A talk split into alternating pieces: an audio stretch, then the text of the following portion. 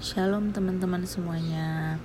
Hari ini aku mau sharing uh, tentang pengampunan. Sebelumnya kita sama-sama berdoa dulu ya.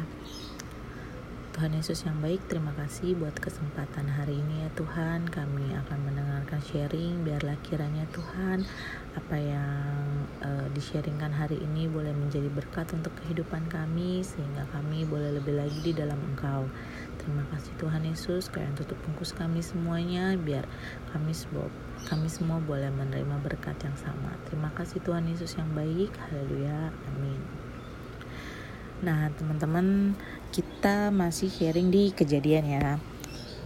Sekarang kejadian 32 sampai 33. Teman-teman ada yang udah baca belum nih di rumah? Nanti setelah dengerin sharing boleh ya teman-teman yang belum baca dibaca lagi. Nanti kalau ada yang mau ditanyakan bisa baca aja ke aku, ke Charlie atau ke Kavita ya. Aku mau mulai dulu sharingnya dengan uh, aku kan temanya nih pengampunan ya nah, aku mulai dari Yakub dan Esau. Nah, Yakub dan Esau ini mereka adalah kakak beradik, anak dari Ishak yang pada waktu itu Esau uh, hak kesulungannya dicuri oleh Yakub. Dan setelah Yakub mencuri hak kesulungannya Esau, Yakub lari ke rumah pamannya yaitu Laban untuk melarikan diri dan selama kurang lebih mereka 14 tahun Esau dan Yakub tidak bertemu. Dan selama itu juga mereka hidup dalam rasa bersalah dan amarah. Yakub dengan rasa bersalahnya karena telah mencuri hak kesulungannya Esau dan Esau dengan amarahnya karena telah e, dicuri hak kesulungannya oleh Yakub. Nah, e, itu yang membuat e, Yakub ingin mendorong Yakub untuk berrekonsiliasi. Uh, teman-teman di sini ada yang tahu nggak rekonsiliasi itu apa? Kalau aku tadi udah searching-searching ya dalam bahasa Indonesia itu uh, rekonsiliasi itu adalah perbuatan memulihkan hubungan pada keadaan semula atau tindakan untuk menyelesaikan perbedaan. Nah, di sini uh, Yakub merasa dirinya harus melakukan rekonsiliasi kepada Esau uh, karena kesalahannya waktu itu mencuri hak kesulungannya Esau. Nah, di sini kalau teman-teman nanti baca pasal 32 dan 33 ini hal yang pertama dilakukan oleh Yakub itu untuk berrekonsiliasi dengan Esau adalah uh, mempersiapkan hatinya. Yakub berdoa dan bergumul minta Tuhan untuk menetapkan hati dan langkahnya untuk berdamai dengan Esau karena di sini teman-teman Yakub tuh sebenarnya takut bertemu dengan Esau karena uh, pasti Yakub ngebayangin lah ya Esau marahnya kayak gimana waktu uh, hak kesulungannya apa yang menjadi haknya Esau itu Yakub ambil gitu. Nah yang pertama uh, hatinya dulu nih dipersiapkan untuk benar-benar uh, meminta maaf akan kesalahannya pada Esau pada waktu itu karena telah mengambil hak uh, kesulungannya dia telah menyiapkan hatinya dan yang kedua itu dia mengambil tindakan jadi teman-teman setelah Yakub udah pasti nih udah oke okay, akan uh, memperbaiki hubungannya dengan Esau dia melakukan dan mengambil beberapa tindakan nah yang pertama itu tindakan yang diambil itu dia mengutus uh, utusannya untuk menemui gerombolannya Esau dan setelah utusannya kembali kepada Yakub, utusannya bilang, "Kami telah sampai kepada kakakmu, kepada Esau, dan ia pun sedang berjalan menemui engkau diiringi oleh 400 orang." Nah, dengar kayak gitu si Yakub jadi jiper tuh. Wah, ternyata uh, Yakub uh, Esau juga membawa pasukannya nih. Karena kan uh, si Yakub hanya dengar dari utusannya ini dia tidak datang langsung, tidak belum bertemu langsung dengan si Yakub, eh si Esau. Nah, teman-teman, di sini setelah menerima informasi dari utusannya seperti itu, lalu makin takutlah Yakub akhirnya dia membagi eh, orang-orang uh, yang bersama-sama dengan dia kambing domba yang bersama-sama dengan dia menjadi dua pasukan buat jaga-jaga nih. Kalau misalnya uh, pasukannya Esau menyerang pasukan Yakub tidak kalah semua atau tidak terluput semuanya. Makanya dibagi menjadi dua pasukan. Nah setelah sudah dibagi pasukan yang ditaruh di paling depan itu dipersiapkan oleh Yakub untuk memberikan persembahan uh, ternak-ternaknya untuk Esau. Karena di pasal ke-32 ayat 20 si Yakub berpikir, Baiklah aku mendamaikan hatinya dengan persembahan yang diantarkan terlebih dahulu, kemudian barulah aku akan melihat mukanya. Mungkin ia akan menerima aku dengan baik. Nah, di sini Yakub berpikir mungkin kalau dia memberikan uh, sesuatu dulu kepada Esau, Esau akan luluh hatinya dan uh, jadi tidak marah lagi kepada Yakub. Singkat cerita, gerombolannya Yakub dan gerombolannya Esau semakin uh, semakin dekat. Dan Yakub pun melayangkan pandangannya dilihatnya Esau datang dengan diiringi oleh 400 orang.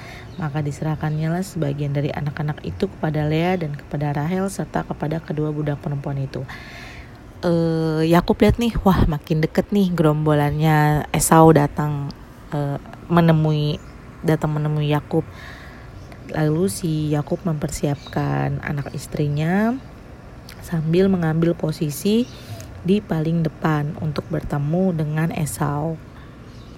Dan tindakan ketiga yang ia lakukan adalah ia sendiri berjalan ke depan mereka dan ia sujud sampai ke tanah tujuh kali sehingga ia sampai ke dekat kakaknya itu. Jadi di pasal 33 ayat 3 ini sebagai wujud atau simbol dari perminta maafan Yakub kepada Esau, Yakub menghampiri Esau dengan cara bersujud sebanyak tujuh kali hingga ia sampai ke dekat kakaknya itu yaitu Esau. Tetapi Esau berlari mendapatkan dia, di dekapnya dia, dipeluk lehernya dan diciumnya dia, lalu bertangis-tangisanlah mereka.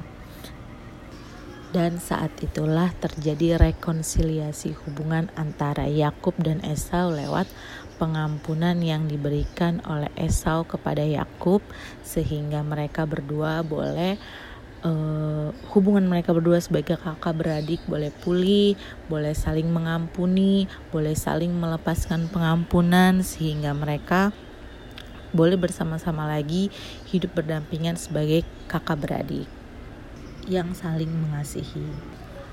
Nah, dari Yakub dan Esau ini teman-teman kita bisa belajar tentang pengampunan ya dengan melakukan uh, dua tindakan yaitu persiapkan hati kita uh, siapin hati kita untuk mengampuni siapkan hati kita untuk mengakui apa yang menjadi kesalahan kita sehingga kita berbesar hati juga untuk meminta maaf. Karena mungkin sebagian orang uh, banyak ya teman-teman yang nggak bisa uh, mengakui kesalahannya atau nggak bisa berbesar hati untuk minta maaf.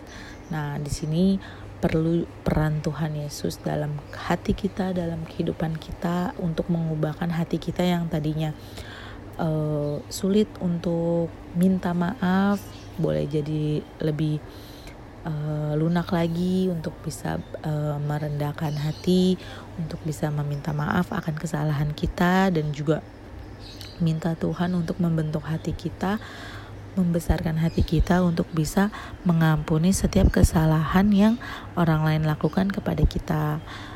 Setelah hati kita sudah siap, hati kita sudah mantap, langkah selanjutnya adalah kita harus bertindak seperti uh, Yakub melakukan beberapa tindakannya untuk Esau kita pun juga begitu.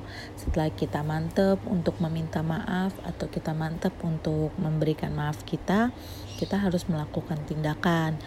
Uh, mungkin uh, bisa menghubungi orangnya, bisa memberikan uh, perhatian atau memberikan uh, ya mungkin nggak semua harus memberikan uh, hadiah gitu ya, seperti Yakub memberikan hadiah kepada Esau mungkin bisa dengan cara lain yang memungkinkan buat teman-teman lakuin Yang penting ada tindakannya agar teman-teman bisa melakukan rekonsiliasi kepada orang yang pernah bersalah atau uh, teman-teman merasa bersalah kepada orang tersebut. Dan yang terakhir yang bisa kita ambil dari kisah Esau dan Yakub ini, Esau melepaskan pengampunan secara tulus karena dia telah menolak pemberian dari Yakub karena Esau dengan hatinya yang tulus mengampuni Yakub bukan karena harta yang dimiliki atau diberikan Yakub kepada Esau. Jadi teman-teman kita juga kalau mau memaafkan, mengampuni, memberikan pengampunan kita kepada uh, siapa pun, kita juga jangan mengharapkan oh kalau uh, lu kasih gue makanan yang gue suka atau kasih barang yang gue suka baru kita ampuni jangan gitu ya teman-teman jadi kita belajar uh, memberikan pengampunan secara tulus secara ikhlas sehingga pengampunan yang kita berikan juga itu uh, boleh lebih lagi membuat hubungan kita kepada sesama lebih erat lagi dan lebih dan terlebih lagi kita menjadi berkat buat sesama. Jadi mulai sekarang yuk kita belajar mengakui dan melepaskan pengampunan yang kemudian akan membawa sukacita dan ketenangan di dalam hati kita, di dalam kehidupan kita sehingga kita boleh uh, hidup menjadi berkat dan membawa sukacita buat orang-orang sekitar.